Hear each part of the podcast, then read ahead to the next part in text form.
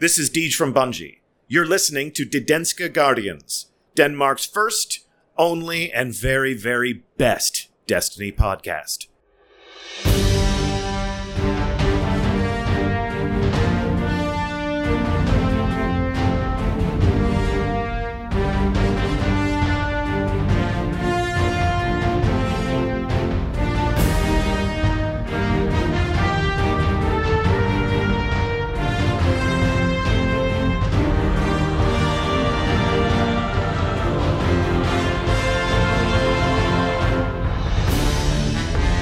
Hej alle sammen og velkommen til De Danske Guardians opdatering tilgængelig Destiny podcast.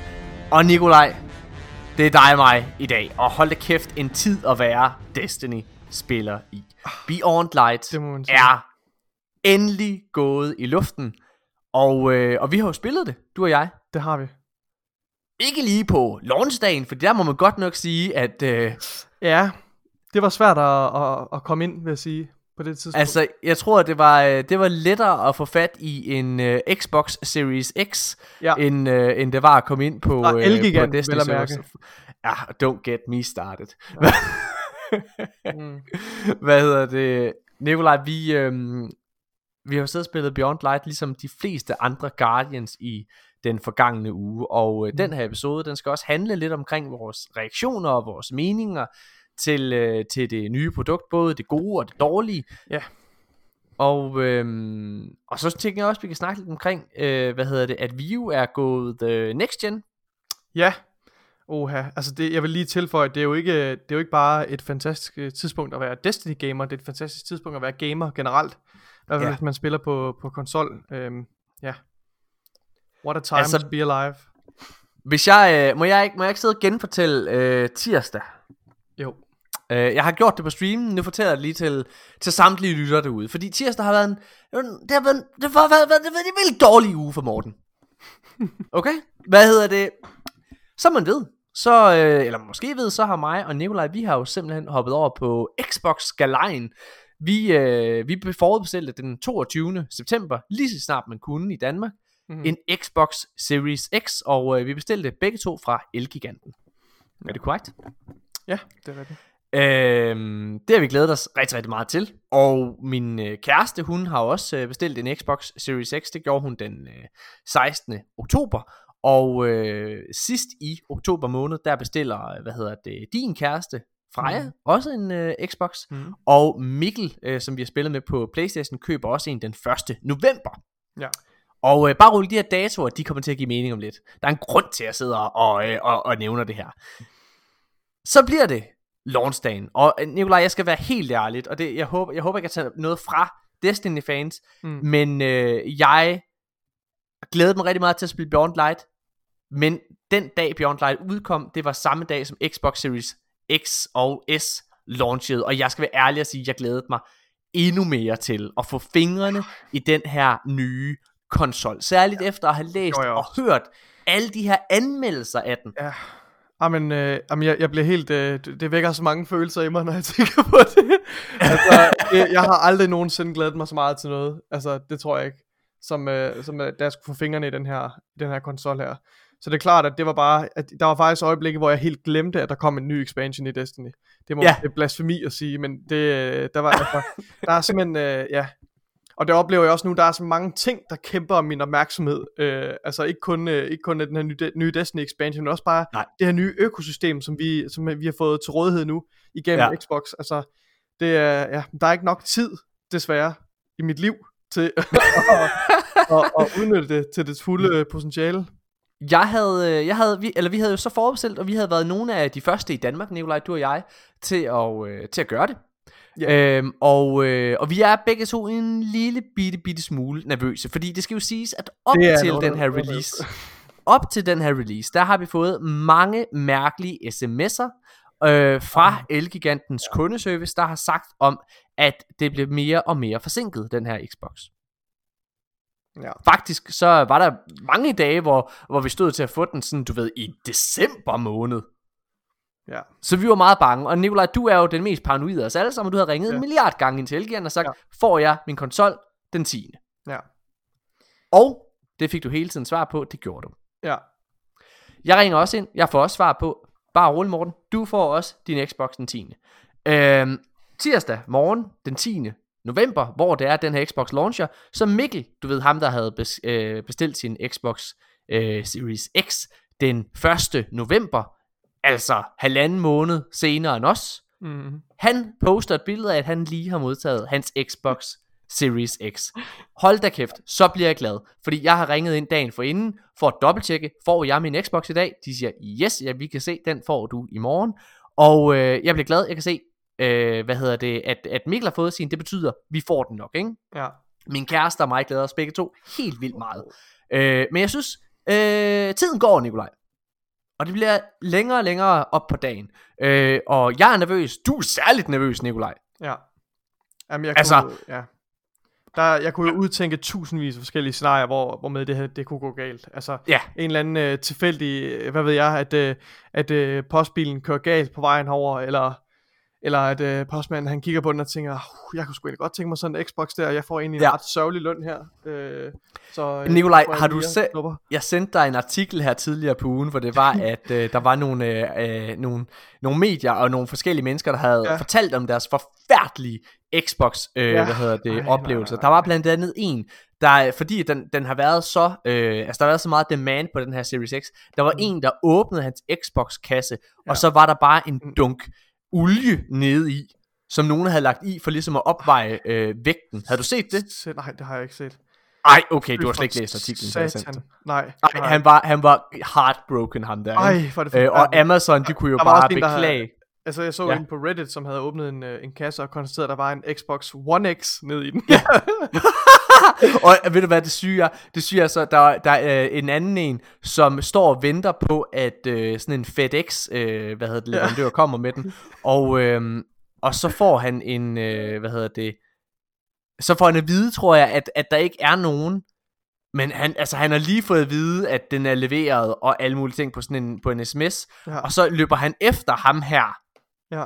FedEx-fyren, Ja. og, øh, og, og, øh, og indhenter ham i bilen, hvor der er, at han siger, hey mand, jeg har lige fået at vide, at jeg har fået min Xbox Series X. Hvad hedder det? Nå, men det har du altså ikke, og alle ting. Og så kigger han hen på siden af ham, og så står der en Xbox Series X med hans navn på, ham der fyren der. Altså det har været, det har været, nej, nej, nej. altså det har været det vilde vesten, mine damer og herrer. Helt seriøst. Ej, det fodrer bare. Så vi har, så vi har med rette været nervøse, Nicolai. Ja, ja, ja. Og, øh, men øh, jeg ringer så ind, fordi jeg synes, tiden går. Jeg ringer ind til Elganten for at vide på samme dag. Bare roligt, du får den i dag, Morten. Fedt, tænker jeg. Men jeg synes, tiden går, så jeg vælger at ringe til Bring. Og øh, Nikolaj, så giver de mig et, øh, et svar, jeg ikke håbede på. For de siger nemlig til mig, det kan godt være, at Elgan har sagt det, men vi kan jo se her, at øh, den er altså stadigvæk i Sverige. Så den får du altså ikke i dag. Du kan måske være heldig at få den på torsdag Mm. og jeg knækker indeni. Og Nikolaj, du bliver meget nervøs. Men lige pludselig, ja. Så banker det på din dør, og der står der en glad, øh, hvad hedder det, bring budbringer, som giver dig din Xbox. Ej, det var... Jeg er ulykkelig. Ja, så vi bliver nødt til at, hvad hedder det, spille på Playstation på launchdagen. Ja. Øh, fint nok, men, men, men, men sådan lidt irriterende for, at vi kunne spille sammen. Øh, og så, hvad hedder det, får jeg at vide dagen efter, at min kærestes Xbox, den får hun først den 16.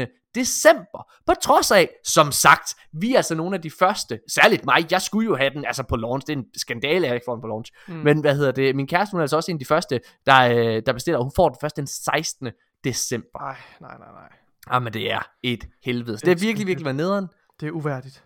Det er uværdigt. Men Nikolaj, nu har vi altså vores konsoller, og øh, har prøvet, og vi har jo siddet og spillet Destiny her, og øh, hvad synes du så om øh, både din Xbox Series X, men også at spille Destiny på den? For den har altså ikke fået de Ja. her øh, loading-tider endnu. Altså den har ikke fået den her next gen upgrade. Det er jo den 8. december, at det kommer. Mm. Ja. Altså prøv at høre, den her maskine her, den er fantastisk. Altså øh, præsentationen af det, jeg vil sammenligne det med, med et Apple-produkt. Jeg er sådan en, øh, jeg er sådan en type, som engang øh, synes, at Apple-produkter, det bare var the shit.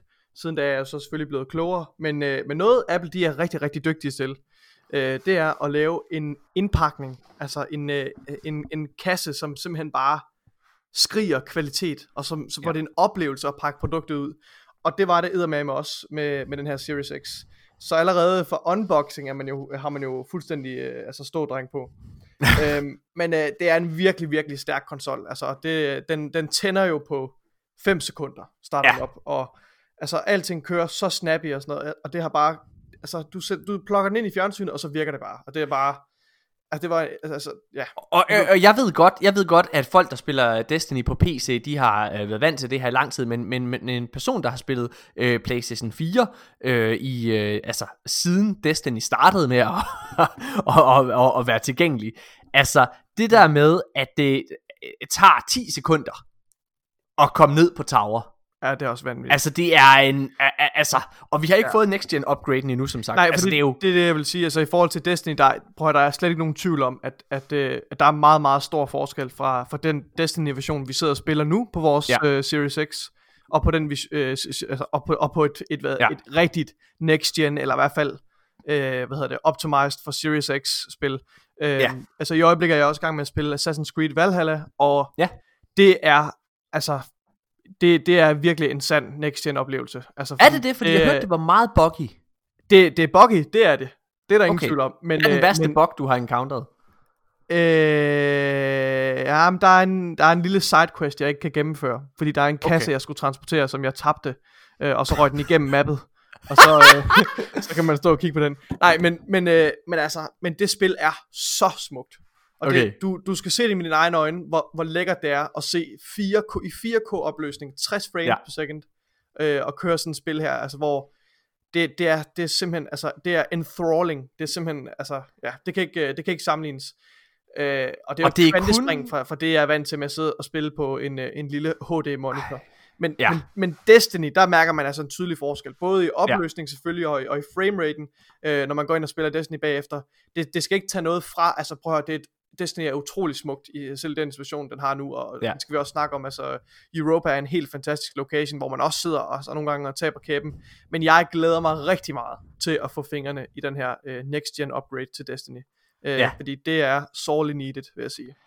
Det må jeg godt nok sige. Og, øh, og folk, der ikke spiller Xbox, men skal have en PlayStation 5, altså jeg kan bare sige, hold kæft, hvor skal jeg glæde jer til den 19. Det er jo her på, øh, på fredag, øh, hvor, I, øh, hvor I får jeres, ikke? eller torsdag eller sådan noget. Der er det i hvert fald i den her uge, hvor PlayStation-spillerne i Danmark får deres mm. konsol. Øh, det, øh, det, det, bliver, det bliver en helt ny verden, det kan jeg godt fortælle jer. Mm. Øh, så glædelig next gen launch. Jeg, min forudsigelse det er, at om øh, to år, Ja. Der bliver Xbox One og PlayStation 4, øh, de bliver fjernet fra øh, økosystemet. Tror du det? Ja. Ja, det tror jeg. Fordi at der er jo ikke nogen tvivl om, vi, vi har jo kunnet sidde og høre, øh, når, man, når man for eksempel hører om... har sagt to år jo. Øh, hvad siger du? Phil Spencer har sagt to år med de Phil Spencer har sagt, øh, for Xbox har sagt uh, to år, der vil han stoppe med at, at udgive, uh, hvad hedder det, Xbox, nye Xbox titler til Xbox mm. One. Og det lader til, at Playstation gør det samme, fordi at Horizon Zero Dawn 2 for eksempel, hvad fanden det hedder, den, det, det er vist også det sidste spil, der kommer til PlayStation 4 af de her next gen titler, okay. og den kommer også om to år. Mm. Øh, så meget tyder på, at det går i den retning. Vi har også kunne høre mm. på, øh, på udviklerne bag Cyberpunk CD Project Red, altså at de her gamle konsoller simpelthen holder, decideret holder spillene tilbage. Ja. Øhm, ja. Og en af grundene til, efter sigende, at øh, Cyberpunk er blevet forsinket nu her ind til de- ja. december, det skulle faktisk være de her gamle konsoller, som er øh, som virkelig, virkelig øh, er hårde at, at danse med. Ja, ja. ja det, det tilføjer en masse udviklingstid, altså at skulle, at skulle sørge for, at de kører på, altså på, på ni forskellige systemer. Altså ja. det er virkelig en stor opgave. Er det ni? Jeg mener han sagde ni. Giver det mening? Ja, Stadia og Stadia. PC, oh. og så, øh, hvad hedder det, øh, to, ah, det passer ikke med ni, det kan jeg aldrig passe. Seks. Det er også lige meget. Seks, ikke? Seks systemer ja. i hvert fald. Ja. Men, Nikolaj, vi er en Destiny podcast, og øh, jeg har virkelig glædet mig til at, smak, at snakke omkring øh, Beyond Light, for jeg har en masse holdninger ja. og meninger, øh, og jeg ved, at du har spillet det næsten lige så meget, som jeg har. Mm. Så øh, jeg, øh, jeg synes, at vi holder en øh, kort pause, og så, ja. øh, så skal vi snakke lidt omkring Beyond Light og vores umiddelbare reaktioner.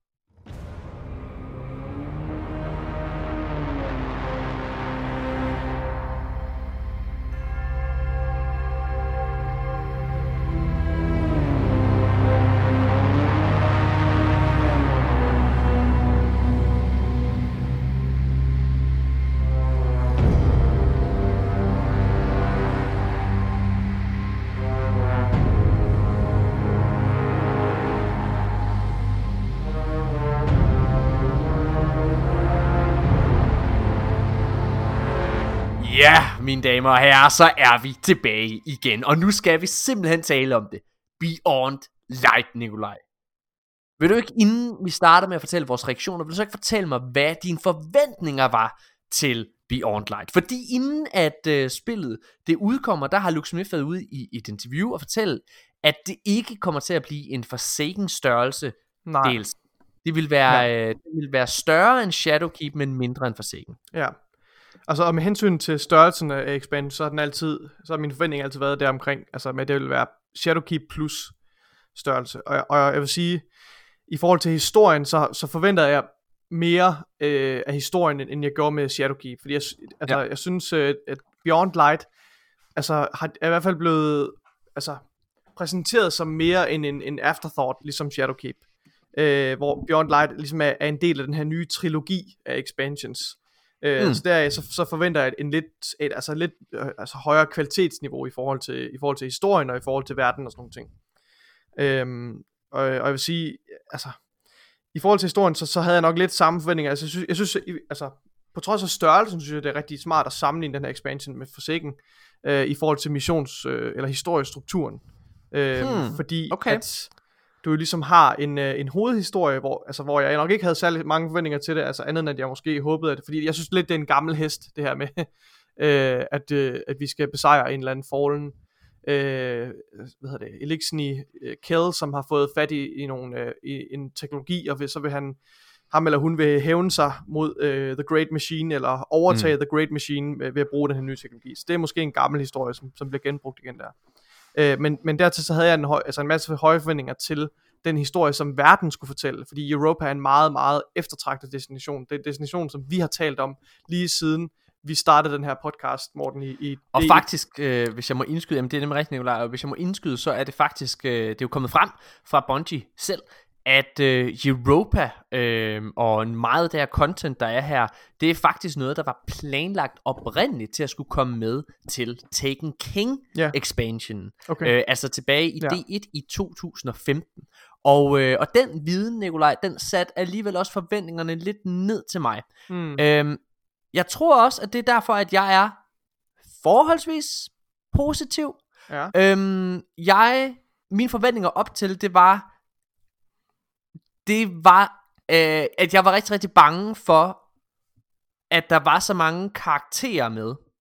Det tror jeg også, jeg sagde i vores sidste episode af DDG. Ja. Øh, altså, det, der var det, så mange... Ja karakterer med, og, og Bungie har ikke, øh, har, har ikke vist før, at de har kunne jonglere, øh, og, altså, og, og, og have så mange lad, karakterer lad med op, på. På, hvad for nogle karakterer det er, altså, som er blevet præsenteret. Ja, altså i, øh, i... i de forskellige trailere, og hvad kan man sige, alt øh, PR omkring, uh, hvad hedder det, Beyond Light, så har vi altså, uh, hvad hedder det, Varix, vi har The Exo Stranger, der endelig vender tilbage, og når man har en karakter med som Exo Stranger, som er en, legend, altså. en legendarisk ja. karakter, ja. så kan man kun tillade sig at kræve, øh, hvad kan man sige, at, at, altså det har været ventetiden værd. Derudover har vi ja. Drifter, Eris Morn, Zavala, Osiris, Ultron, altså alle mulige ja. kæmpe store karakterer, og så selvfølgelig Aramis og, og øh, øh, hvad hedder det, og, og hendes følge. Det er i hvert fald øhm, otte, øhm, otte altså vigtige og karakterer. Sivo Araf.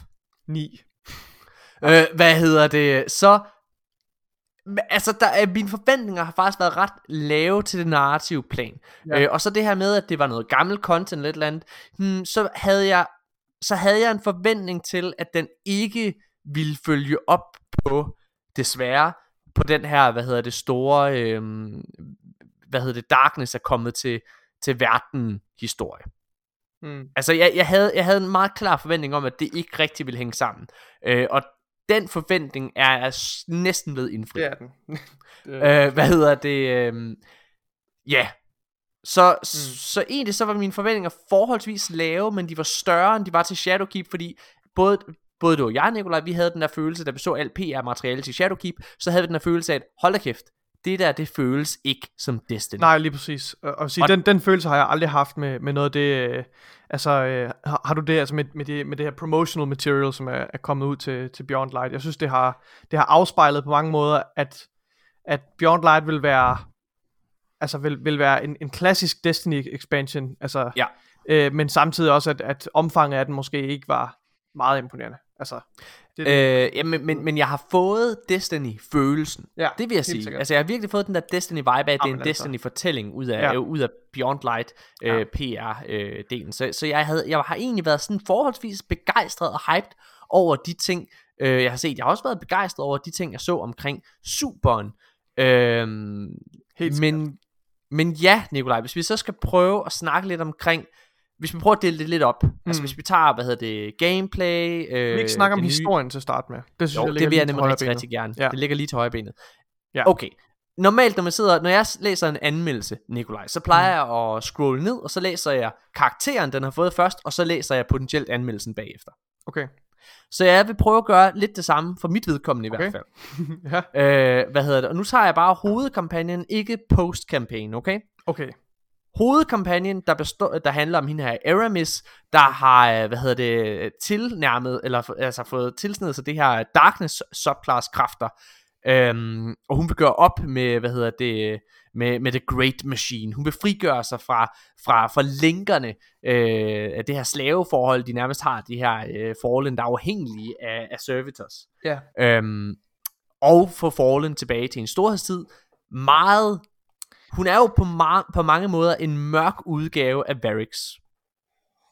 Hende og Varix har på mange Ja. måder præcis de samme, øh, hvad kan man sige, øh, ambitioner og, øh, og forhåbninger. På de går måder, bare ja. ned og Men, men de, de vælger forskellige veje dertil. Ja. Mm. Øh, men min, hvis jeg skulle putte en karakter på den her hovedkampagne, Ja. Øh, efter at have gennemført hovedkampagnen, og efter at have besejret, spoiler alert, besejret Aramis i en øh, story mission, så vil jeg give den 6 eller 7 ud af 10. Det, ja. Det, øh, det er umiddelbart, der jeg ligger på, øh, på hovedkampagnen. Det er ikke det værste, jeg har oplevet i Destiny, men det er bestemt heller ikke det bedste. Mm. Øh, faktisk så føles det rigtig, rigtig meget som en, øh, altså, altså som fuldstændig en, en klassisk Destiny-historie på, på bedste måde, men bedre fortalt, som, øh, altså, som vi kender dem. Der er ikke rigtig noget nyt, og, og jeg synes det værste ved det her, øh, ved, ved historien, det er, at det er så tydeligt, at, altså du sagde her før, at det her det er en trilogi, den ligger op til, Nikolaj. Ja. Det er jeg helt uenig i. Jeg synes, det her det er så tydeligt, at det her okay. det er en filler-episode. Hvis Destiny det var en tv-serie, så Ja. var det en af de her afsnit, hvor man sidder og tænker, ej, kom nu tilbage til det, det handler om. Ja, lige præcis. Ja. Øhm, hvad hedder det? Men det betyder ikke, at det er en dårlig filler-episode. Jeg synes, altså, Mm. jeg synes, den er rigtig, rigtig underholdende. Øh, men, men jeg synes, selve hoved, hovedhistorien, den er sådan lige, den er lige over middel, synes Mm. mm. jeg. Hvad med dig, hvis du sådan skulle... Altså, jeg, jeg er fuldstændig, fuldstændig enig. Jeg vil have, jeg har, jeg har rated den til 6 ud af 10. Uh, Ja. Jeg synes, det er en, uh, en sikker uh, Destiny expansion campaign. Ja. Desværre, må jeg, må jeg sige. Altså, jeg synes Mm. ikke, uh, 6 er en særlig god karakter. Det er i hvert fald ikke Nej. meningen, det skal være en god karakter. Jeg synes, uh, historien spiller den alt for sikkert. Uh, og du kommer også rigtig nok ind på, at de skal have credit for, at de er blevet bedre til at fortælle historier. Mm. Og kvaliteten af den her expansion er, altså er, er væsentligt bedre, men historien er alt for sikker. Og det er bare Ja. et, øh, det her narrativ med, med Fallen er simpelthen øh, brugt op nu. Og jeg synes, at, øh, at faktisk, at det er lidt, øh, at det er lidt ærgerligt, øh, altså fordi de har faktisk peget Fallen over i en interessant retning, øh, ja. Med at vi skal arbejde sammen med Fallen. Øh, og det, nu, nu synes jeg ikke, vi kommer for mange spoilers, men, men det, er der også, det er der også lidt af. Altså det, det, det, det potentiale bliver udnyttet en lille bitte smule. Øh, Ja, men, men, men, det er jo, altså, øh, hvis men jeg skal være rigtig, rigtig hård, Nikolaj, hvis jeg skal være rigtig, rigtig hård. Med trilogien, Ja, okay. som du siger, fordi jeg er fuldkommen enig i, at det, det, det føles ikke som en, en episode, og det er en filler-episode, det her. Det er det, mm. og den er, den, er, den er fuldstændig, altså det er en throwaway-episode. Og, ja. og, altså, og Aramis' øh, rolle i forhold til, hun spiller måske en lille rolle i forhold til, jamen, det ved jeg ikke, hun, hun er ikke engang afgørende for det, at vi får vores kræfter for Darkness. Nej. Altså hun er, hun er måske en lille undskyldning for, en motivation for, at vi skal få de kræfter. Ja, Øhm, altså, men Nikolaj, jeg, jeg tror simpelthen, altså, hvis vi skal kigge på, at det her, det oprindeligt har været en historie, der skulle have været med i Taken King. Det kan jeg godt mærke af flere årsager. Jeg tror, den har lige fået et par beats mere her efterfølgende. Okay. Men, men, men helt hårdt, hvis jeg skal være meget, meget hård, så Ja. er det her jo bare historien om Skolas en gang til. Jamen det er det. Det er, altså, det er House of Wolves Skolas historien. bare vækstteknologi, og her der, Ja. at bruger hun, øh, hun bruger så bare, øh, hvad hedder det, Darkness, altså, Ja. øh, og, og man kunne godt have, hvad hedder det, have ladet den udkomme i 2015, og så havde det været en af de her nye subclasses, vi fik dengang, mm. altså enten, øh, hvad hedder det, øh, øh, hvad hedder de her, øh, hvad hedder det, øh, hvor en, en Titan kan skyde ham, og Sunbreaker, og Nightstalker, og, øh, og, og det der Arc Piss, ikke? Jo. Altså, det kunne man godt have gjort. Så, så det synes jeg er meget average. Men Men, heldigvis, heldigvis så er vores, mit overordnede indtryk af Beyond Light er meget positivt. Ja. På trods af den her main campaign. Okay, skal vi ikke, skal vi ikke lige starte... Øh, øh, nej, ved du hvad? Vi tager post-campaign. Lad os snakke Ja. om det, Nikolaj. Fordi, Ja. okay, for det første, der er, øh, der er det her Born in Darkness. Der er den her storyline med øh, The Exo Stranger. Nikolaj, Ja, skal vi, skal Jeg vi, sagde- Ej, jeg synes ikke, vi skal spoil for meget omkring ej, det. vi, vi, vi, vi, vi går, jeg går meget vag til det. Jeg vil bare lige Okay, sige, ja. at jeg havde, en af mine bekymringer var som sagt, at Bungie ikke var i stand til at jonglere så mange karakterer på en gang. Ja. Hold da kæft, hvor er jeg glad for Ja. at blive gjort til skamme. Ja. Alle mine bekymringer, altså Nikolaj, det er mesterligt. Det, det er, er- første gang, Det det er første gang i godt. Det er første gang i Destinys historie, hvor jeg føler, at de forstår at bruge ja. sidekarakterer. Lige altså, hvor det er, at man, hvor de bruger dem på den helt rigtige måde. Og hvis du altså, tænker over det, Morten, det var noget, der gik, der gik op for mig her i går, da jeg, Ja. ja. da jeg sad og spillede Destiny. Det, det er faktisk, vi er faktisk nået et sted nu i Destiny, hvor Bungie har samlet op på mere eller mindre alle de historietråde. Ja. Lige på en undtagelse af den helt store, som er Savathun, men det kommer. Mm. Øh, og det synes jeg er helt vildt imponerende, og hvor er det positivt. Altså, jeg, jeg tænker tilbage på den gang, vi sad i D1 og, og, og, altså, og rystede på hovedet og tænkte, det her, det, altså, hvad fanden er det, de laver? De kommer, Og- de men kan ikke finde ud af, ja. Jamen 100%, men en ting er det her med, at, øh, at, at, hvad kan man sige, at de forstår at bruge øh, alle bikarakterer på den rigtige måde, men hvor de fylder rigtig, rigtig meget. Altså jeg føler det her med, at jeg har også et forhold til hver eneste af de her karakterer. Når ja. det er, de taler, så ved jeg 100% hvem det er. Ja. Øh, altså, Eris passer pissegodt ind. Øh, Anna Bray og hendes øh, søster, det er ikke en spoiler, øh, The Exo Stranger, hvad hedder det, øh, altså det, det- det, hele er Jamen, bare op altså, ja. i, på et helt nyt niveau, på et helt nyt niveau, jeg gentager. Ja. Og også når, når man starter på den her expansion, Nikolaj, så noget vi altid har snakket meget om, du og jeg, det er, at vi gerne vil have lore ind i spillet, fortalt. Mm. Og når man starter kampagnen, så har Varix en animeret øh, narration øh, om Fallens øh, historik med The Traveler. Ja. Ja, det, Det er, er- rigtigt. Ej, ja, det er rigtigt. Det har jeg glemt, ja. ja men, Det men, er så det er fucking ligesom en lille tegneserie. Ja, det er rigtigt. Ej, hvor er det vildt. Med Wow. det samme så forstår man, hvor det er, de kommer fra, hvorfor det her det er vigtigt. Man forstår både Aramis' motivation, Ja. ja. og man har også en eller anden form for sympati for hende, ligesom man har Helt sympati for, for Varix, ikke også? Helt sikkert, Altså, ja, ja. ja, og, og, og jeg synes faktisk, nu, nu spoiler jeg en lille bitte smule, Og fordi dialogen er ret skarp. Altså, der, Ah! Ares, Ares og, og, eller Aramis og, og, og Varix, altså udvekslinger, synes jeg var ret gode. Ja, det er jeg også enig i. Jeg, der er på et tidspunkt øh, i slutkampagnemissionen, hvor Varix han bliver sådan helt ophidset han og bliver sur. virkelig sur. virkelig, virkelig, altså, altså ej, det er virkelig, det er virkelig nice, altså, ja, ej, det, jeg, jeg er virkelig, virkelig glad for det, og post-campaign, hvor der var altså mange flere missioner til, jeg, jeg har fået Ja, at vide, der er otte af de her øh, Born in Darkness øh, Ved du hvad, jeg var, inde, jeg var inde i de her triumphs og se på det, Ja. ja. og der står, der var nemlig, der stod nemlig, øh, vi havde klaret fire ud af otte, da vi var færdige med part 2, så jeg tror, der er, der må være fire dele i alt, tænker jeg. Altså Ja. fire parts. Så kommer der en mere her nok øh, på næste reset. Og, øh, og det passer også rigtig godt, fordi på næste reset, alt det her med Ultron, det er jo slet ikke startet endnu. Øh, og nu kommer jeg lige med en øh, forudsigelse. Det kan jeg jo lige nå, inden det, at den, der er reset i morgen. Jeg... Øh, det her med, øh, med Europa, det har jo som sagt været content, der egentlig var tiltænkt øh, til The Taken King expansion. Mm. Øh, men der valgte de jo så øh, efter sigende at bruge øh, den originale storyline til Destiny 1. Ja, det bliver lidt kryptisk nu, men i Destiny 1, der var den oprindelige historie, den handlede faktisk om, at man skulle op på den her, øh, det her store skib, Dreadnought, øh, hvad hedder det, og på Cyber Oryx, men, men, men de synes det var for kedeligt kun at være på en location, og så lavede de det der magtværk, som er D1's originale kampagne. Ja. Øhm, og så lavede de så The Taken King til den historie, og udskød alt det med Europa. Mm. Yes. Så, nu kommer min forudsigelse.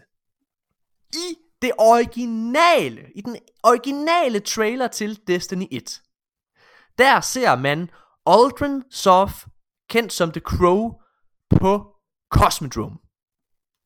Mm.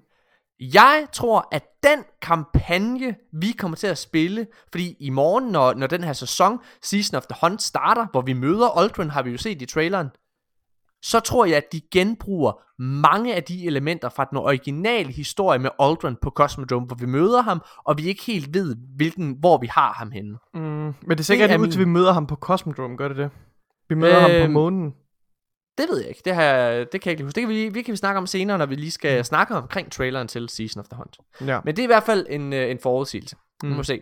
Ja. Øhm, ja, men i hvert fald post-campaign er vi ret begejstrede for. Ja, der er meget at, at synge tænderne i, og, og altså, altså kvaliteten af, af den her, ja. det er ligesom om, de tager så meget bedre tid til at fortælle en historie. De, de Mm. prøver ikke at, altså de, de er ikke, øh, ja, hvad siger man, de, de er ikke bange for at fortælle en, en, en dybdegående historie. Nikolaj, vi sad og spillede sammen, men vi var ikke nået til det samme øh, tidspunkt. Øh, vi var ikke nået til det samme punkt, og jeg kan huske, at jeg nåede at spille Born in Darkness før dig. Mm. Lige sådan, jeg var lige på skridt forud, ja. Og jeg var sådan, Nikolaj, what the fuck? Ja. What the fucking fuck? Og hvad hedder det? Og jeg er sådan, der Morten, slap nu af, Morten, hold nu kæft. Og så kom du selv til det, oh, Morten, shh, shh, shh, oh, det, oh, what? det, er jo- det er jo sindssygt, det er jo sindssygt, oh, det er det vildeste, jeg nogensinde har oplevet i Destiny's 10 Ja, det var virkelig sindssygt. Jeg vil sige, øh, jeg synes, og det, det er ret utroligt det her, men jeg synes faktisk, at, øh, at Strangers øh, tilbagevend lever op til vores forventninger. Det lever i hvert fald op til mine forventninger i forhold Også til... mine, Nikolaj. Også altså, mine, Det, altså... og, og, og, og, den, den intriger, der er, og den øh, historie, der er omkring Clovis Bray-familien, er jo også en af de aspekter, Ja. som jeg synes er mest interessant ved Destiny's Law. Og det var det, jeg elskede så meget ved Warmind-kampagnen, det var mm. at, at lære om, om, øh, om Warmind Rasputin, men også lidt omkring den her familie, den her, altså, som jo egentlig har skabt Golden Age. Altså som Ja. simpelthen har været, har været omdrejningspunktet for, for hele den teknologiske udvikling. Og, og den historie bliver bare så meget mere interessant. Altså de har en virkelig, virkelig spændende vinkel på, på de forskellige øh, familiemedlemmer i, i, øh, altså, øh, i den her Bray-familie. Det er, og det er, det er fantastisk. Det, jeg synes, det er noget af det mest, øh, ja, Al- den her og lore. spændende der, uh, historie, der er blevet præsenteret i Destiny so far. Al den her lore og den her historie, det kommer vi helt sikkert til at snakke om i fremtidige episoder. Ja. Men øh, jeg, jeg, jeg synes, at øh, vi skal vente lidt med det, og så lige komme, fordi det er meget en, en reaktionsepisode det her. Så jeg Ja. synes i stedet for, at vi skal skynde os videre, og så snakke lidt omkring Europa som destination. Ja, Okay, hvis jeg skal beskrive det, så er det øh, Mars møder Tangled Shore, eller månen. Nej, Mars møder månen, vil jeg måske sige. hmm. Øh, ja. jeg har lyst til at sige Mars med Titan, men det er for ligesom at få de der Ja, øh, øh, Bray Age faciliteter. Ja, med. forstår det, forstår det. Det er faktisk måske, det er faktisk en bedre sammenligning. Mm. Øhm, I hvert fald, Nikolaj. Ja. Du er nok lidt mere imponeret over den her destination, end jeg er. Så vil du ikke prøve at, er- øh, at starte? Jo, altså, øhm, jeg, jeg, jeg, jeg kan godt følge, jeg tror, din kritik lyder også på, at, at øh, destinationen måske er lidt ensformig. Ja. Øhm, og det kan jeg sagtens følge, men jeg synes bare, jeg synes, men nu er det også fordi, det er så nyt, Morten, så jeg føler Mm. også, det er svært for mig, altså lige nu synes jeg, at den her destination føles kæmpestor, fordi Mm. jeg har ikke noget, øh, jeg har ikke noget kort inde i mit hoved, Det- altså hvor jeg ligesom øh, Ja, kan, jeg kan synes også, er overskue stor. hele destinationen. Nej. Øh, og, men jeg vil sige, kortet er altså ret stort, og der er rigtig mange ja. nooks and crannies, og der er mange af de her, øh, der er jo de her close spray faciliteter, der er også øh, en VEX, Mm. øh, ligesom øh, The Pyramidion er der også en lignende størrelse, øh, VEX øh, osv. Så der Ja. foregår rigtig meget på den her destination her. Og det her med det nye værtssystem gør også bare, at den føles lidt mere levende. Ja. Øh, og jeg, vi kommer ind på det senere. Jeg synes ikke, værtssystemet er lige så fantastisk, som Bungie gerne vil have, de skal Nej, heller ikke mig. Men, øhm, men, men det er rigtig fint, og det gør helt sikkert noget til at, at styrke øh, den her destination. og Men jeg synes, det fedeste, ja, men jeg synes, det fedeste, og grund til, at den er så smuk, det er på grund af de her skyboxes. Mm. Øh, og, og, og det minder mig så meget om, om den her, om den her, øh, de her, hvad, hvad, hedder, hvad fanden hedder det? De her, det her concept art, vi har kigget på lige siden, øh, Ja. siden Destiny 1 launch, for det kommer altså helt tilbage fra D1, hvor du ser de her, øh, hvor du ser, øh, hvad hedder det, Jupiter i baggrunden, og så ser du, øh, i- langs horisonten ser du nogle høje skyskraber, der rager op over øh, isbjergene, og hvor der er sådan nogle kæmpe store iskrystaller, der, der hænger ud øh, horisontalt fra bygningerne, fordi der er Ja. så kraftige øh, isstorme. Og det ser bare, det ser så eksotisk og, og spændende og mystisk ud. Altså, for mig der er det bare, det fanger hele, altså sådan essensen af Destinys øh, Mm. æstetik nærmest. jeg synes, det er så fantastisk. Og jeg synes, det her med, uh, a, uh, de kalder det for uh, a sarcophagus of ice, og det er mm. præcis, hvad det er. Altså, det er simpelthen en, det er en altså, isen, isen har bevaret fortiden, som den her, altså som den her, og, og, og den historie fortæller, fortæller den her location. Jeg synes, det er, det er så fantastisk. Altså, at, at rende rundt på de her øh, Clovis Bray faciliteter, med den her utrolig smukke øh, design, som de har, hvor de virkelig har, har gjort meget ud af at lave det her, det her smukke ikonografi på væggene og sådan noget, det er simpelthen, jeg får, jeg får gåsehud, når jeg går igennem de der øh, laboratorier og sådan noget, hvor man ser, der står exos rundt omkring, og så er der en vækstenhed, vækstgoblin, der er, der, der er spændt fast i en maskine ved siden af en exo og så videre. Og det er bare, du ved, den her sammenhæng, der er med loven og med historien og sådan noget, det hele, det går op i en højere enhed. Altså, jeg synes, jeg synes, Øhm. tror faktisk, jeg synes, at, at, øh, at Europa er, er min yndlingsdestination. Men det er for tidligt at sige nu, fordi jeg har ikke tilbragt nok tid på den. Øh, Jeg, jeg, jeg synes ikke, den har øh, noget af det, jeg elsker ved Titan og Mars. mm. øh, men særligt Titan, det er, at det er, det, det, det, når man går ned til, på, på loka- lokationen, så får man følelsen af, at man træder ind i et mareridt på Okay. Titan. Eller det Ja. gjorde man, altså fordi, et, altså øh, øh, øh, Hive, øh, rasen har, øh, har overtaget det fuldstændigt, mm. og, øh, og, man, og man har en klar oplevelse af, at der er sket nogle forfærdelige ting her. Ja. Øhm, det er nogle af de samme ting, jeg godt kan lide ved, hvad kan man sige, ved, ved, ved Mars. Det er den her følelse af, i hvert fald på det gamle Mars, det er Nå. en følelse af den her verden, der er glemt, den er gået tabt, der er sket nogle forfærdelige ting, øh, Mm. tidslinjen er simpelthen gået galt. Og der er, der er anelser af det samme på Europa. Jeg er enig der, der synes at, jeg, Europa har begge dele. Bortset Ja, fra, jeg synes, vi- det her med frygten og det der med uhyggen, ja. den er lidt mere subtil. Jeg synes, at øh, Europa er fin. Øh, Okay. Jeg synes, den er, øh, jeg synes, den bliver kedelig, fordi at jeg øh, desværre igennem Bungies, øh, hvad kan man sige, øh, gameplay loop her, så bliver jeg simpelthen tvunget til at være for meget på Titan. Eller undskyld, på Europa.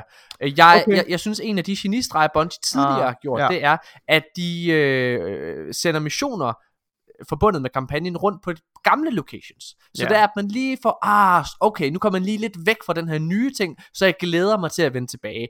Og desværre, så går de ja. fuldstændig modsat. De tvinger en til at blive på Europa hele tiden. Og det gør, Mm. at jeg når at blive træt af de her, øh, hvad hedder det, øh, steder. Okay. Øhm, Ja. jeg, synes, jeg synes, at alt, der har noget med Clovis Bray at gøre, og, og Nikolaj, du beskriver det her med den her, øh, hvad hedder det, Exo og den her Goblin, der er spændt sammen. Jeg synes, det er, al- al- altså alle de her Clovis Bray faciliteter er mageløse, og det er alt det Ja. fra Titan, som jeg elskede. Enig. Ja. Ja. Øh, jeg synes også, at nogle af de her, øh, har, har du fået prøvet alle lore sectors? Øh, det tror jeg ikke, jeg har, nej. Jeg tror, jeg mangler... Okay, nu, mangler nu spoiler jeg simpelthen en lore sector for dig, Det må du godt. for det er den egen skyld. Ja. Der er en lore sector, som er en af de største genistreger, en af de vildeste oplevelser, jeg nogensinde har haft i Er det Destiny. Og øh, det er simpelthen, fordi du går ind, og så befrier du de her frames, som begynder at. Den har og som begynder at er hjælpe det dig Ja. med at skyde og Oh besejre God. fjenderne. Det er ikke fordi, de gør meget, øh, hvad hedder det, men, men det der følelsen af, at du er et hold, og du har gået ind og hjulpet nogen med at komme fri, den har jeg aldrig oplevet før i Destiny. Det der med, at du, at du arbejder sammen med andre Er det sådan NPC'er. hver gang man spiller lore-sektoren, eller er det, er, Ja. det ikke, er det ikke kun forbundet med en quest, Nej, at det sker? Nej, nej, nej, det er okay, okay, sådan fordi de, de løber jo rundt som en hel, som en lille, en lille enhed. Altså, Ja, og, det er fedt. Og, altså, ja, det er fucking godt lavet. Det er sindssygt godt lavet. Øh, men, men ja, altså, jeg synes Europa er cool, men, men jeg nåede des, jeg er desværre noget allerede at blive en lille smule træt af det. Okay. Så lad os gå videre til næste impression, og det er Stasis. Ja. Okay, jeg har gået, jeg har jeg har været lidt blandet øh, holdning Jeg har- det her. også mig. Jeg Mm. har været altså hele vejen rundt i, øh, i mit humør omkring Ja, det. ja. Skal jeg prøve at beskrive mit? Ja, gør det. Jeg, øh, jeg synes, at det var underwhelming, da jeg fik det til at starte med.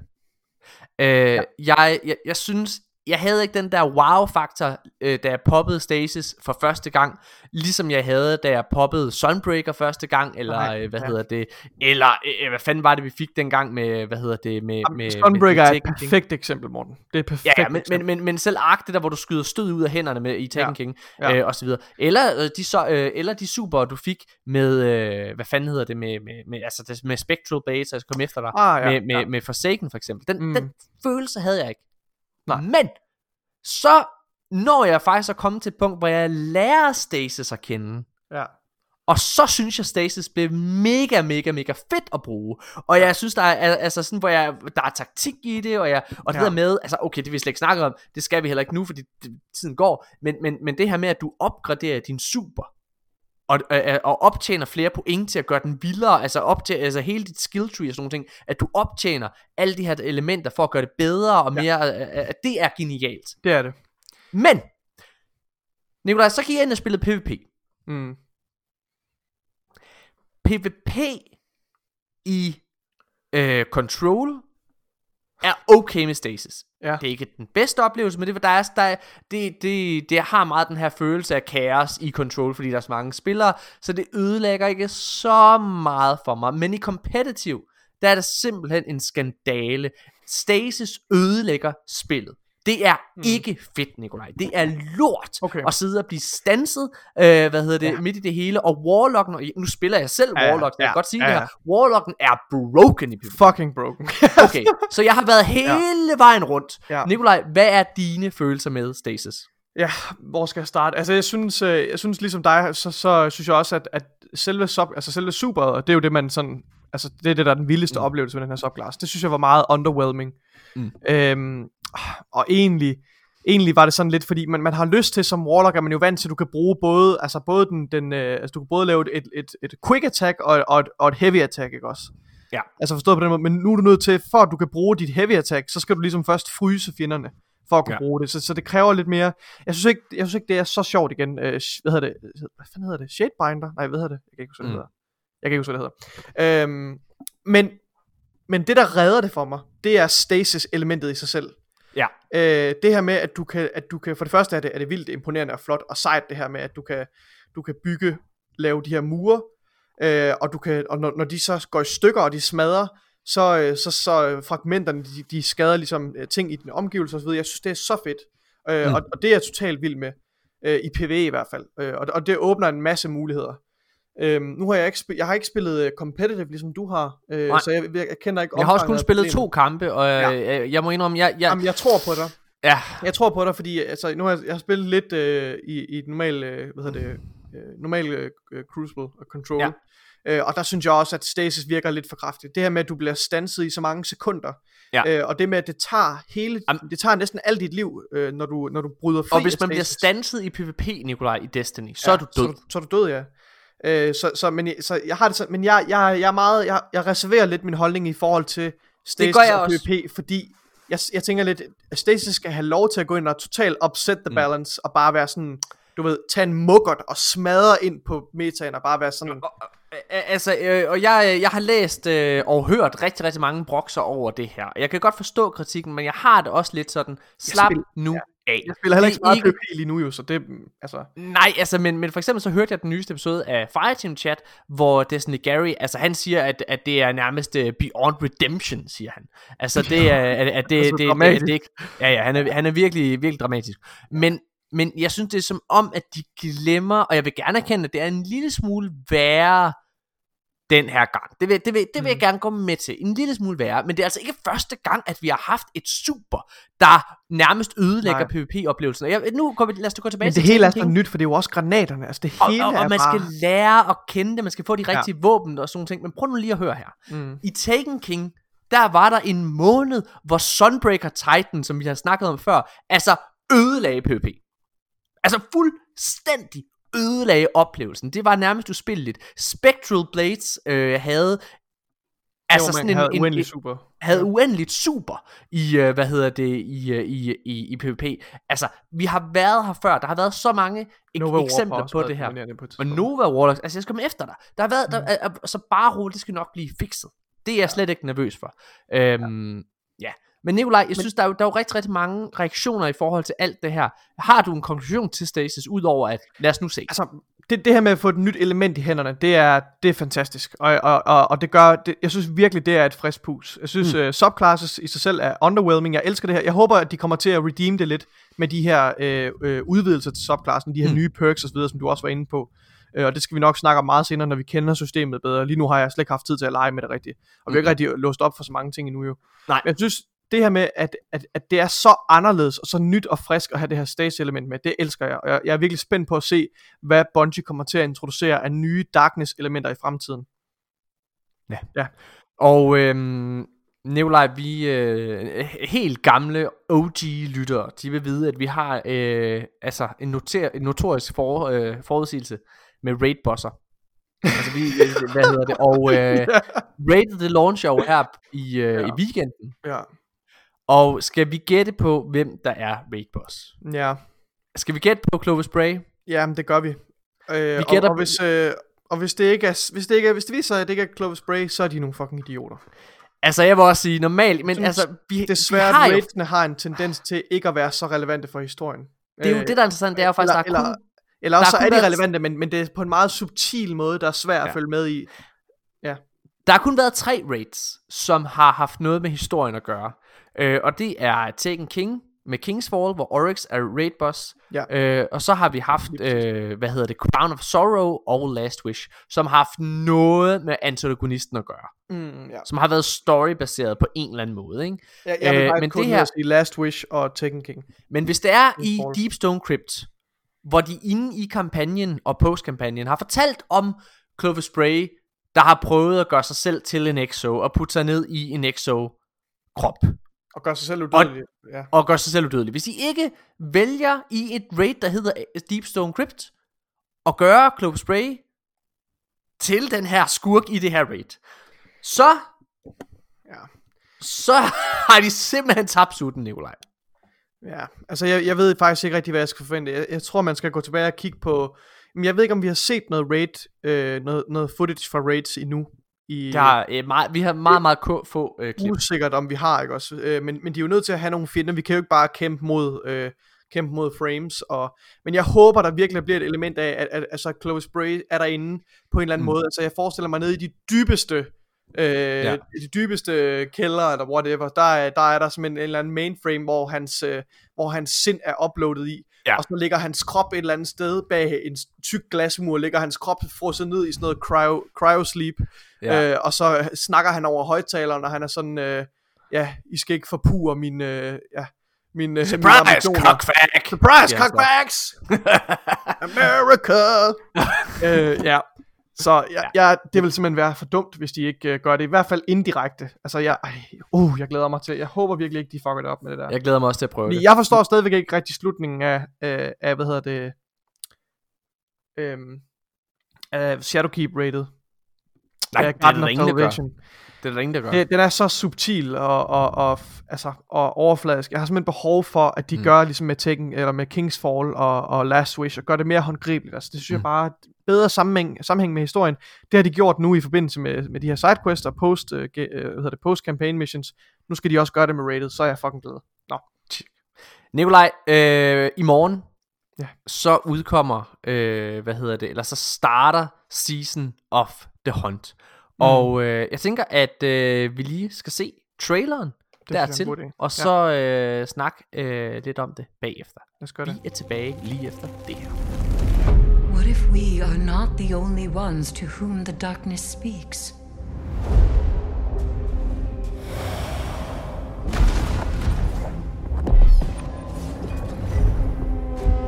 The traveler closes like a fist. It will strike against the darkness. Osiris has been trying to assess the damage caused by the return of the darkness. He believes that Zivu Arath, the hive god of war, seeks to take advantage of the power vacuum left in its wake. Close our ranks, Guardian. I need you on the front lines. Kære Nikolaj, ja. nogle Guardians har Gallerhorn, andre har The Last Word. Men Nikolaj, du, du har altid ophøjet Ja. Hawkmoon Ja, som din yndlings exotic. Og nu er den endelig tilbage. Ja. Hvordan har du det?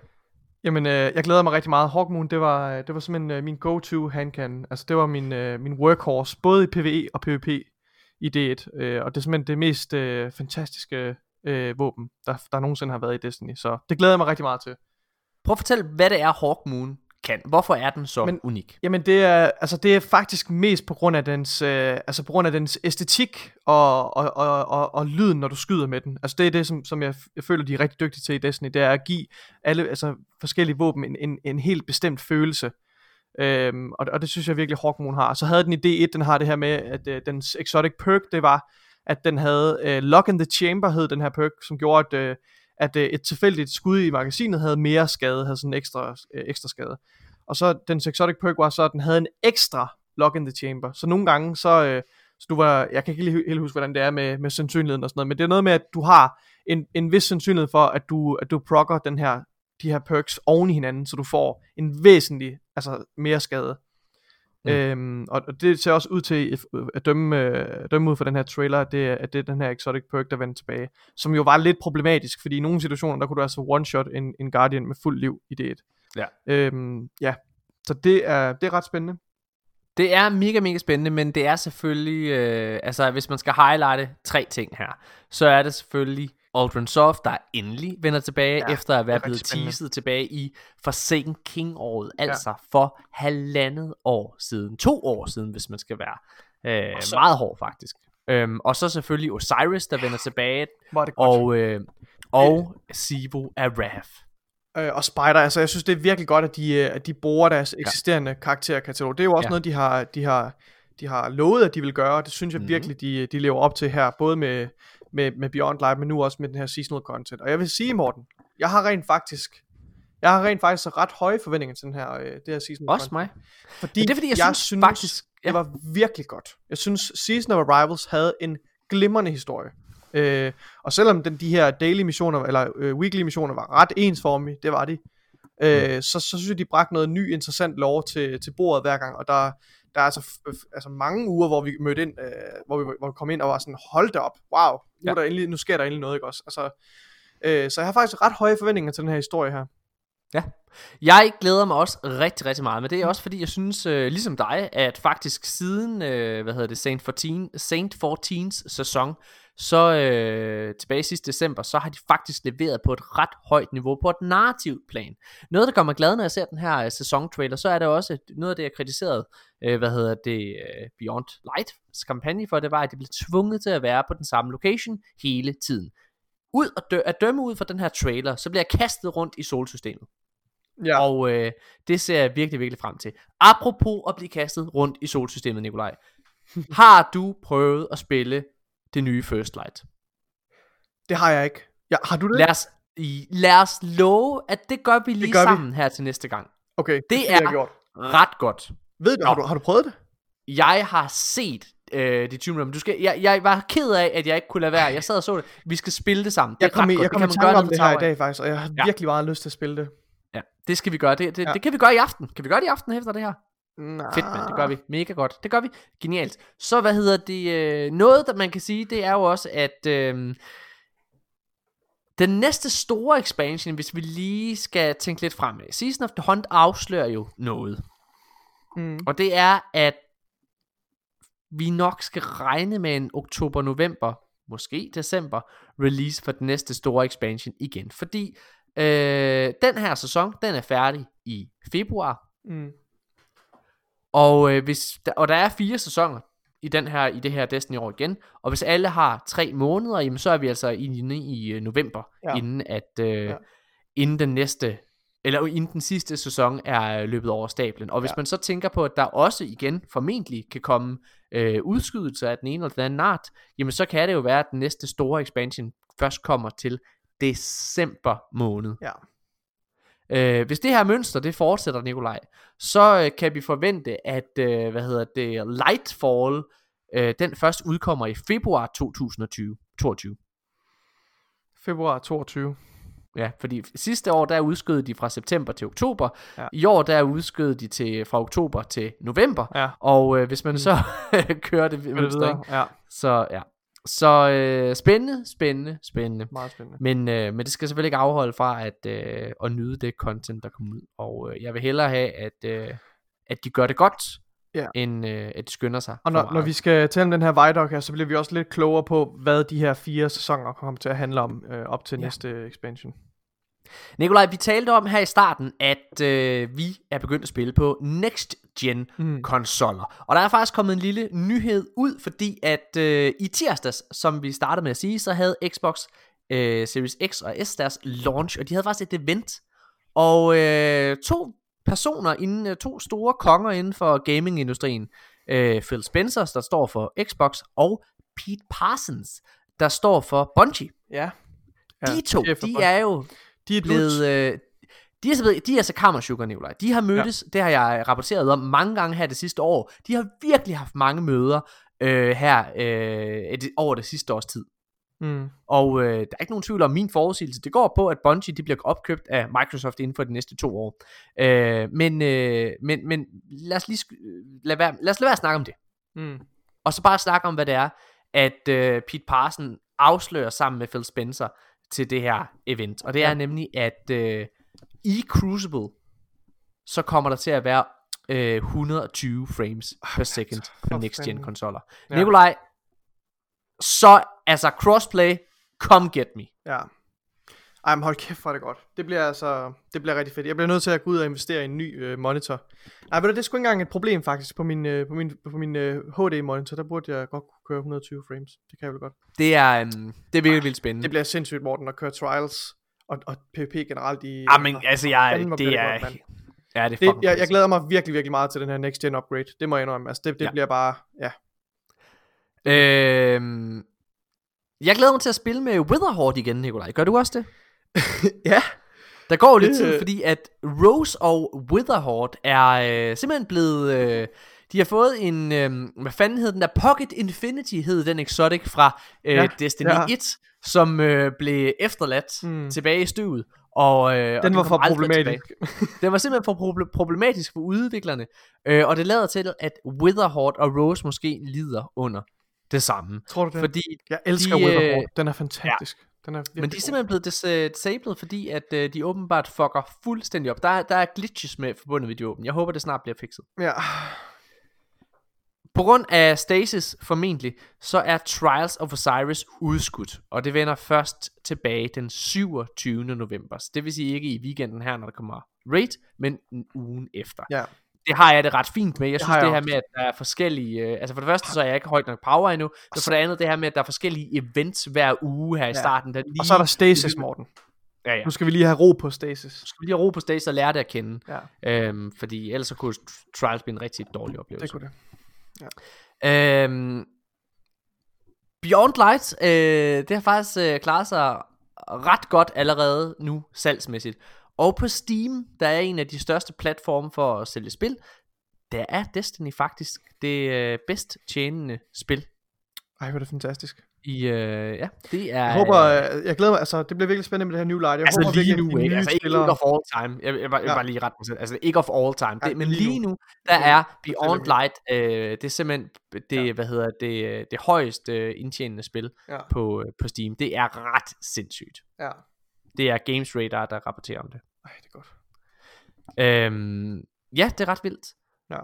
Og øh, noget vi øh, ikke nåede at snakke om, Nikolaj, det var jo faktisk, at der var det her live-event i slutningen af sæson 11, lige inden at, øh, hvad hedder det, lige inden at Det er rigtigt. Ja. den her Ja. sæs- øh, sæson startede. Ja. Og øh, jeg havde lave forventninger. Jeg er efter at Ja. have fået brændt nallerne med The Almighty, der sprang i luften, hvor jeg Ah, det sad var ret fedt. Og at The Almighty sprang i luften, det var fucking lort, Nikolaj. Det var- tog, det, undskyld, prøv, det tog for lang tid, men slutningen var episk. Det var fantastisk.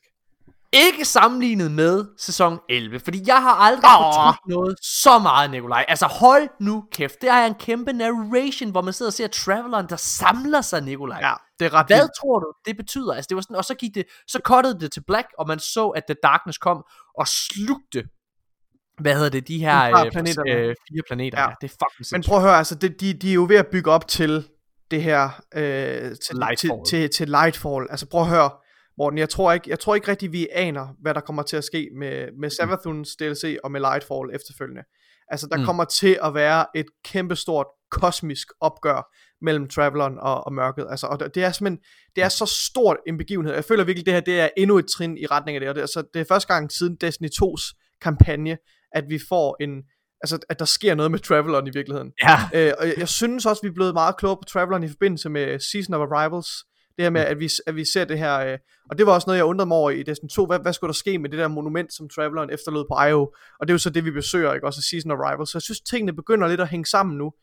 Øh, og jeg, altså, det er helt sikkert optakt til, til nogle af de konflikter, der kommer senere. Øh, og det er fucking spændende. Kæft, for, Ja. Hvad tror du, der sker egentlig på den anden side? Hvad sker der, når, når mørket, og ja, hvad fanden skal der ske ellers? Åh, oh, Nikolaj, det er... At høre, det, er, jeg- det, er en, det er en blank Ja. slate, det er bare void, der er ikke noget. Vi ved ikke, hvad der kommer Ja. til at ske. Nej, jeg håber, at vi kommer ud til et nyt solsystem. Det, Det er jo noget, dig og mig har drømt om siden, øh, ja, siden Ja. vi snakkede sammen første gang i 2015. Og jeg har altså hørt flere NPC's, der, eller i hvert fald, jeg kan ikke huske, om det var, øh, om det var speakeren, eller, eller om det, jeg tror faktisk måske endda, det var Rahul, der siger, we're destined to walk in the light of other stars. Mm. Og det kommer, vi til, det kommer vi til som Guardians på et tidspunkt, det er jeg sikker på. Øh, Jeg har hoppet lidt over, hvad hedder det, en øh, nyhed, der handler om Luke Smith, der går ind og, øh, hvad kan man sige, øh, og svarer på den kritik, der har været om, øh, om, om lootpoolen, der er. Fordi der er jo okay. Okay. rigtig, rigtig mange, der har været ærgerlige over, at, øh, over den her sunsetting. Øh, og jeg ved Hmm. ikke helt, om jeg er ærgerlig endnu, eller hvad jeg Det, det er. kan jeg ikke danne mig en holdning til, må Det kan jeg ikke danne mig Jeg har ikke fingrene til. på pulsen i forhold til PvP's ja. endgame, og til, altså du ved, vi har ikke et loadout på plads, vi har ikke et overblik over, hvilke våben skal vi bruge i PvP og i PvE til Nightfalls og sådan noget endnu. Det er for tidligt for mig at sige, vil jeg sige. Der, der går Han siger i hvert fald, uger, at de har, øh, han siger i hvert fald, at øh, de har lært en del efter Season of the Arrival, hvor de jo også bragte gamle våben tilbage med nye rolls. Øhm, så ja, det er jo, det, det kan man jo, ja, det kan man bruge til, hvad det er. Ja. Nikolaj, der er faktisk øh, en nyhed, jeg ikke har i manus, og jeg ved ja. Godt, vi skal snakke om Viaduct, men jeg har faktisk en ret stor, nu kommer jeg altså over i noget øh, spinfoil, et rygte, mine damer og herrer, men ikke desto mindre, så synes jeg, det er mega, mega spændende. Nikolaj, jeg sendte på et tidspunkt øh, noget til dig, fordi der går et rygte omkring det her Matter-spil. Okay, ja, det kan godt du sige. Øhm, og rygterne, det går simpelthen om, at øhm, Matter-spillet, som er et spil, Bungie arbejder på lige nu, det efter sine foregår i Destiny-universet. Ja. Og det er en MMO. Altså en full-blown MMO. Ja. Ja. Nikolaj, øh, jeg, sendte, øh, jeg sendte nogle billeder Jeg har til dig. set det, men altså mor, Vil du Morten, prøve at læse de, der, de der, de der Nej, hvad? 4chan leaks der, så jeg vil være meget, meget, meget Ah, skeptisk over for, hvad jeg læser inde på 4chan.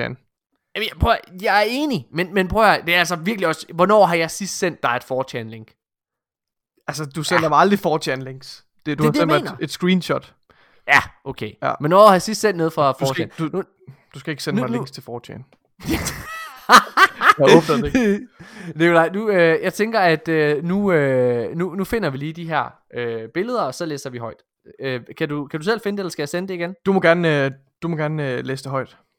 Okay.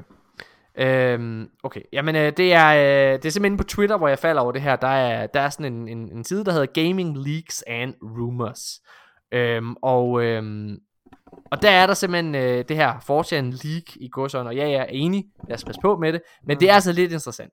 Øh, rygtet handler om, at øh, Bungies nye IP, Matter, faktisk er en efterfølger til Destiny, øh, ud fra et historieperspektiv. Okay.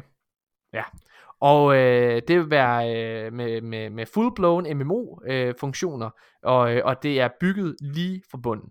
Snakken går på, at Microsoft øh, hvad hedder det, kommer til at bruge deres øh, cloud-server øh, til Matter også. Og det øh, altså til at bygge det og alle mulige ting. Men hvorfor skulle Og, og, de lave øh, en og- konkurrent til Destiny, der foregår i samme univers? Jeg, jeg tror heller ikke, det vil være en konkurrent. Jeg tror, det vil være et supplement. Ja. Og det er... Øh, ja, Altså, ja, vi har ja. jo, det eneste vi rigtig har, er sådan visuelt indtryk at gå ud fra, det er det her øh, logo til Matter, som, Mm. som, blev, øh, som blev registreret i, med copyright for lang Ja. tid siden. Mm. Og det, der er altså ikke noget ved det logo, som rigtig siger mig. Altså, jeg får sådan en, øh, jeg får sådan en, øh, en hvad hedder det, øh, jeg får sådan en vibe for de her øh, MOBA, altså, øh, hvad hedder det, øh, eller, eller arena-spil, du ved, sådan noget, øh, sådan Mm. noget som League of Legends, det ved det er måske en dårlig sammenligning. Øh, Altså, Nu, nu, læser jeg, nu læser jeg simpelthen det her højt. Okay? Bungie's next IP will work. Uh, Bungie's next IP will work on. Uh, will working on. We're working on is not a new IP, Mm. as has been reported. It's a successor to Destiny from a story perspective, Mm. but is the, uh, but is the dream game the studio had envisioned before Activision. A full-scale action-adventure shooter MMO built from the ground up. This is why we got the $100 million from NetEase. If the team wants to surpass WoW as the world's biggest MMO, they'll want support from around the world. Anything gameplay wise uh, that was being planned from Activision's D3 is going here. The future of D2 is already uh, pretty set between PvE and Crucible in terms of new features beyond subclasses. This includes PvP, PvE areas, uh, the city as a social space, and Affinity. Øhm, ja. Der er rigtig, rigtig mange mening for mig det her. Hvorfor skulle de lave et nyt spil og kalde, kalde det noget andet, som foregår i Destiny-universet, som har så markant overlap med det, Mm. som du også laver i Destiny? Ja. Det giver ingen mening for mig. Altså, jeg er enig. Jeg siger bare, jeg synes, det her det er mega spændende. Ja. Jeg siger heller ikke, at det passer. Jeg Ja, siger bare, men jeg vil også normalt, om, hvad matter handler om. men Jeg tror normalt, normalt, så falder jeg altså ikke om over 4chan Mm. leaks eller sådan nogle ting der. Men jeg synes, Men- der er et eller andet ved det her, der er Men lidt Destiny spændende. er jo deres drømmeprojekt. som de Ja. arbejder på, øh, altså Ja. som de gerne vil starte på inden Activision. Det er, Men, men, men jeg tror, Ja. det som jeg synes er interessant ved det her, det er, at noget som rigtig, rigtig mange, øh, hvad hedder det, spil-franchises prøver på, det er at expande inden for deres eget univers. mm, Og det her med at lave en historie, der foregår i Destiny-universet, altså det er jo den måde, man kan lave et Star Wars på. ja. Det er den måde, du kan lave, altså, og det er jo ikke første gang, at man laver en, et supplementspil, altså nu- lad os tage Halo, hvor man har Halo, uh, Halo Wars, som er sådan et RTS-strategispil, men som foregår i samme univers, ikke? ja. øh, hvad hedder det? Øh, ja, altså, jeg ved godt, Witcher, Squenf for eksempel? Øh, altså, øh, er jo også øh, et sjovt eksempel Ja. på et spil, hvor man, hvor man øh, hvad hedder det, øh, hvor, hvor man expander out. Og Mm. der er et utal af forskellige Star Wars spil, ikke?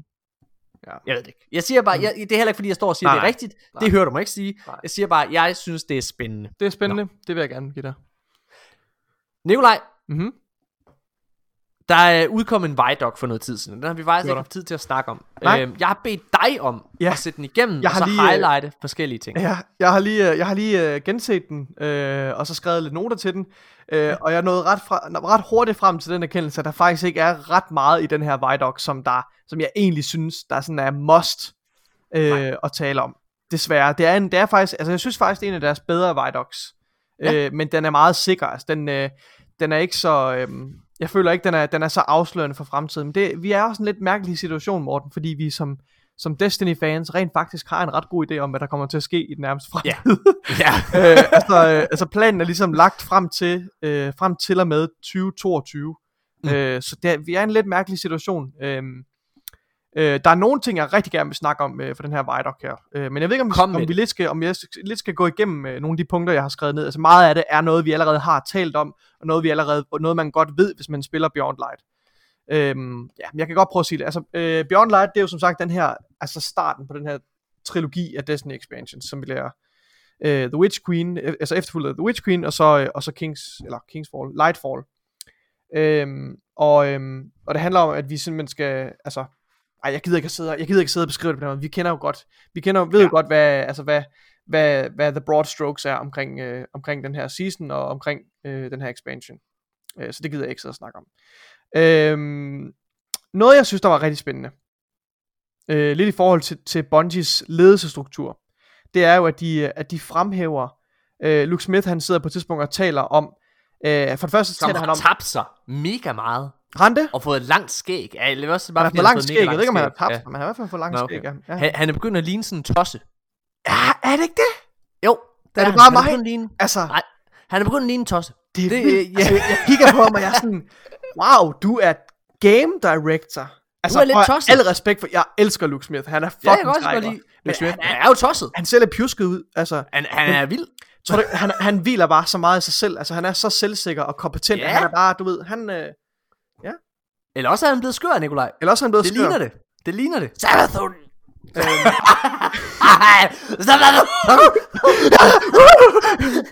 I am your servant, Savathun. It is me, Luke Smith. Han løber rundt på kontoret, og så alle he's coming, og så sidder alle bare stenstille. Helt stille, fordi når, han, når de sidder stille, så kan han ikke se dem. Where are you, my little children?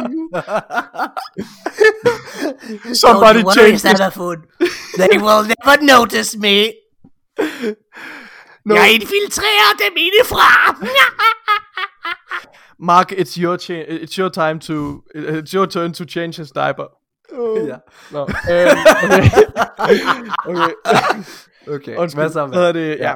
Luke Smith, han, øh, han taler om det her øh, om det her hold, de har opbygget på det seneste. Altså, de har tilføjet mange øh, nye personer til Bungie, og de er ved at vokse som studie. Det ved vi jo også på grund af de her mm. projekter, de har, de har taget på sig. Øhm, og så siger de noget med, at der er nye ledere på vej frem. Altså, der er nye mm. Destiny-ledere på vej frem. Og der viser de, øh, der viser de så noget, øh, en, en, et klip af Joe Blackburn, der sidder ved sin computer og arbejder. Mm. Øh, samtidig med, at de taler om de her nye ledere. Så jeg gik ind og kiggede på Twitter, og der står faktisk, øh, at han, hans øh, officielle titel nu, det er Assistant Game Director Uh. på Destiny. Så, øh, så det ser ud til, at Joe Blackburn, han er på vej op øh, for alvor, på vej op af, af Det er ranglisten jo her. derfor, han kom tilbage. Han var jo væk Det er fra Bungie, derfor, og lige jeg, præcis, jeg har også, og det jeg har også jeg gerne vil og snakke med på- dig om det her, fordi Ja, vi, vi præcis. nemlig, han, han forlod jo netop øh, Bungie for noget tid siden, ja. øh, og hvilket jeg var var rigtig ked af. Det. Han startede med at være raid-ansvarlig. Ja. Øh, ja, så han, han startede med at være, Meget, være, meget være spændende. leder for, for raid-teamet. Mm. Det er sjovt, det var også sådan, Luke Smith startede. Ja, det er rigtigt. Ej, Måske spændende. er han his protege. Ja. Snart så er det ham, vi, øh, vi ser rende rundt på Bungie. Uh, Savathun! Oh, there's two of them. Uh, ja. Jamen det, det er faktisk ret spændende, for det kan være, at han, han har sikkert fået, øh, han har sikkert fået et, øh, et lukrativt tilbud om at blive mm. øh, assistant to the regional manager øh, ved Bungie. Så det er jo fint. Joe, vil du ikke tilbage? Jo, det, det, det vil jeg da gerne. Men det- men Jeg synes, hvorfor er der ild i, i Bungie? Hvorfor brænder det? Ikke for noget, vil du ikke bare komme ind? Vi, har, vi kunne godt bruge din hjælp. Okay, okay. Det er bare... Er der, er der, noget, er der nogle ildebrænde, der lige skal slukkes? Nej, nej, nej, nej, nej, det er fint. øh, men uh, Deej, du er fyret. okay, savner sådan. ham. Ja, ja, ja. Du savner ikke, du er Hold nu kæft. Prøv at, jeg kommer til at savne at tage på bar med ham og drikke øl med ham. Og gå, gå tur med hans okay. chef og hund. Nikolaj, hvad vil du mere? Jeg vil Øh, ikke mere. Er der ikke mere? Nej, er der ikke Prøv, mere? jeg har Nej, skrevet så mange noter til det, men helt ærligt, der er, der er meget, meget få ting. Åh, oh, oh, jeg lovede, at vi ville snakke om, øh, hvad sæson 4, eller hvad, hvad hedder det, hvad der vil ske, 4? nej, hvad der Mm. vil ske med de her sæsoner her i Year 4.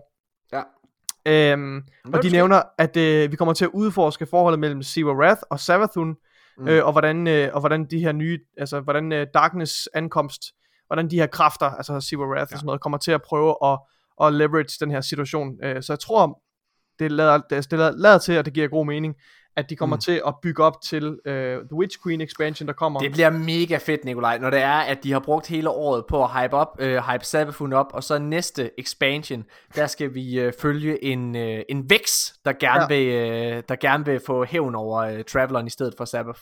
Altså Ja. i stedet for at, at have en historie med Sabafun. Det bliver mega nice. Det glæder Ja. mig til. Endnu en, en filler-episode. Ja, det bliver fedt. Jamen, de næste to kan ikke være fælder-episoder. Det kan Nej, det ved jeg godt. Men Nikolaj, Morten, altså, det er bare... Ja, ja. Puha. Hvis det bliver fælder-episoder, så er løbet kørt. Jeg glæder mig rigtig meget til det. Jeg synes, det er spændende, og jeg er glad for, at, øh, at de kaster Sibu og Raph lige ud i hovedet på os. Det, men, det er meget, meget øh, interessant. Altså, hun, eller, hun har altid været den mindst interessante Ja, de det er rigtigt. Uh, Nikolaj, der er jo også også en noget... throwaway-karakter jo. Har du, øh, har du læst, at øh, vi nok... Øh, altså, prøv at, ikke fordi det er nyt det her vel. Vi, vi, vi har jo vidst det i noget tid nu, at det er officielt, at, at, at D1 kommer ind i D2, øh, hvad hedder det, og det her med, at, at, at vi kommer tilbage til alle gamle destinationer. Alle gamle destinationer kommer tilbage. Vi ved, at øh, Venus snart vender tilbage, fordi at Vault of Glass er det første gamle raid, vi får igen. Mm. Øh, og nu har vi faktisk også lige set her, at øh, vi skal tilbage til Dreadnought, Nikolaj. Ja. Har du set billedet? Nej, det har jeg ikke. Nå, okay. Der er en, øh, der er simpelthen en, øh, hvad hedder det, en, der er et screenshot, som vores egen Danish Strong Style har taget, Ej. øhm, fra en, øh, hvad fuck hedder det, fra sådan en, øh, hvad, hvad, hvad hedder det, sådan en, en, en, en, en transmission, hedder det, Ja, ja, ja. øh, hvor, hvor der står, at, øh, jeg læser lige højt. Mm. Skal jeg ikke gøre det? Jo, Er det ikke fedt, hvis jeg gør det? Fedt, Jo. mand. Okay, så han står, øh, vores Guardian her står ved en transmission, og så står der, jeg kan ikke lige se, hvem der fanden der siger det. Eller kan jeg det? Jo, det kan jeg godt. Jeg læser, Mhm. Nu, to sekunder. Jeg læser lige højt. Undskyld. Mit, sådan der. Zoom. Det er Osiris, Nikolaj. Wow. Osiris siger, I'm going to Saturn. I may have a way to find within the dereflect hulk of Eric's of, of Oryx's dreadnought. Skal du ikke? Ja, Okay, jeg er så dårlig til at læse engelsk, Nikolaj. Jeg gemmer det. Ej, det er virkelig underholdende. Okay, ved- du, jeg har lige sendt den til dig. Vil du lige Okay, læse højt? okay, jeg kigger. Okay, godt. Læs højt. Jamen, jeg skal lige taber. åbne det først, jo. Åh, oh, for helvede. Vi taber lytterne! Vi tager dem sammen. Bliv for helvede! Okay, der står, det er, det er et billede af Osiris her, der står, I'm going to Saturn, I may have a way to find, uh, find it within the derelict hulk of Oryx Dreadnought. Mm. Wow. Så det er jo en meget, meget klar indikation på, at vi nok også som spillere skal Det tilbage det, ja. Ja, det er meget forbindelse med den her sæson. Det bliver rigtig spændende. Prøv, jeg, Og noget, der er til historie. og noget, der er interessant, det er jo, at vi ved allerede nu, at øh, en ting er, at øh, vi ved for det første, at der er Venus Strikes, der kommer tilbage. Vi ved jo for eksempel, mm. den der Nexus Striket kommer oh, ja, er øh, retur, fordi at, at vi så øh, inde på IO, at det der, øh, altså vi så hele bossrummet med at øh, NPC'er og ads og alle mulige ting. Mm. Øh, og så så vi jo også, at øh, Nokris, han var i omgivelserne af Oryx's, Court of Oryx hedder det. Lige præcis. Så de har allerede bygget meget, mange af de her ting, så Mm. Ja. det bliver spændende.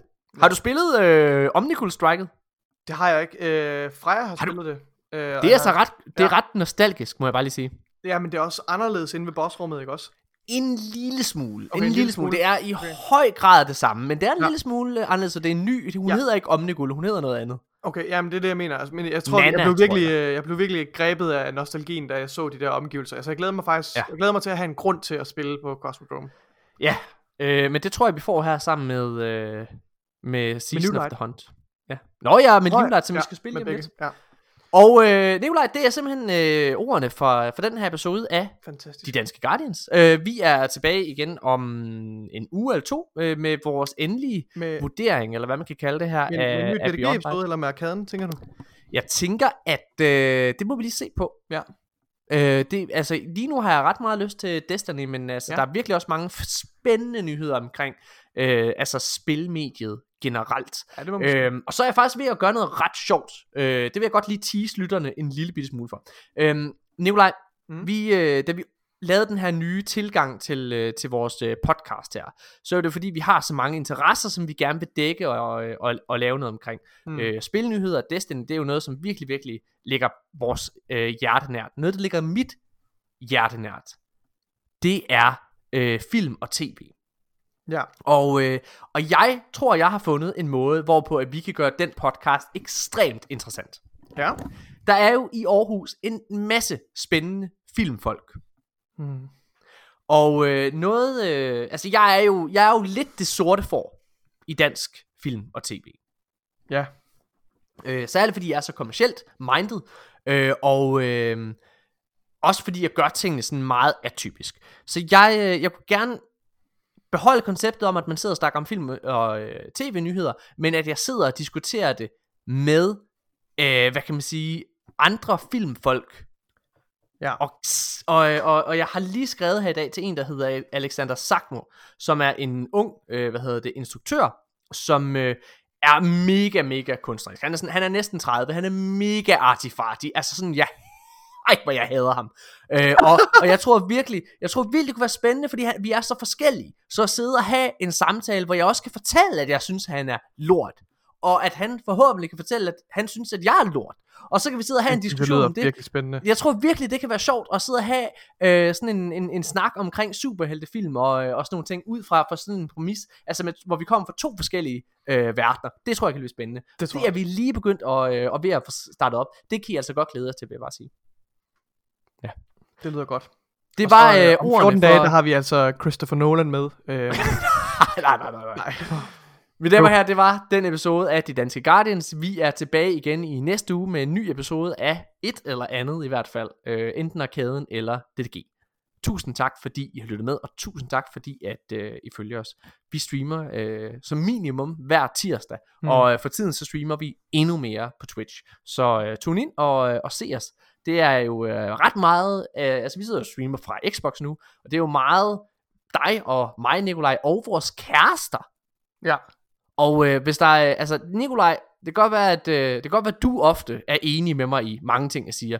Men mm. det er din kæreste kraftet med mig ikke. Ej, hun, hun, øh, altså hun, øh, hun sluger ikke øh, alt, hvad der kommer ud af munden på dig, ligesom jeg gør. Nej, tværtimod, og hun... Øh, hun har lidt og, flere og, kritiske evner.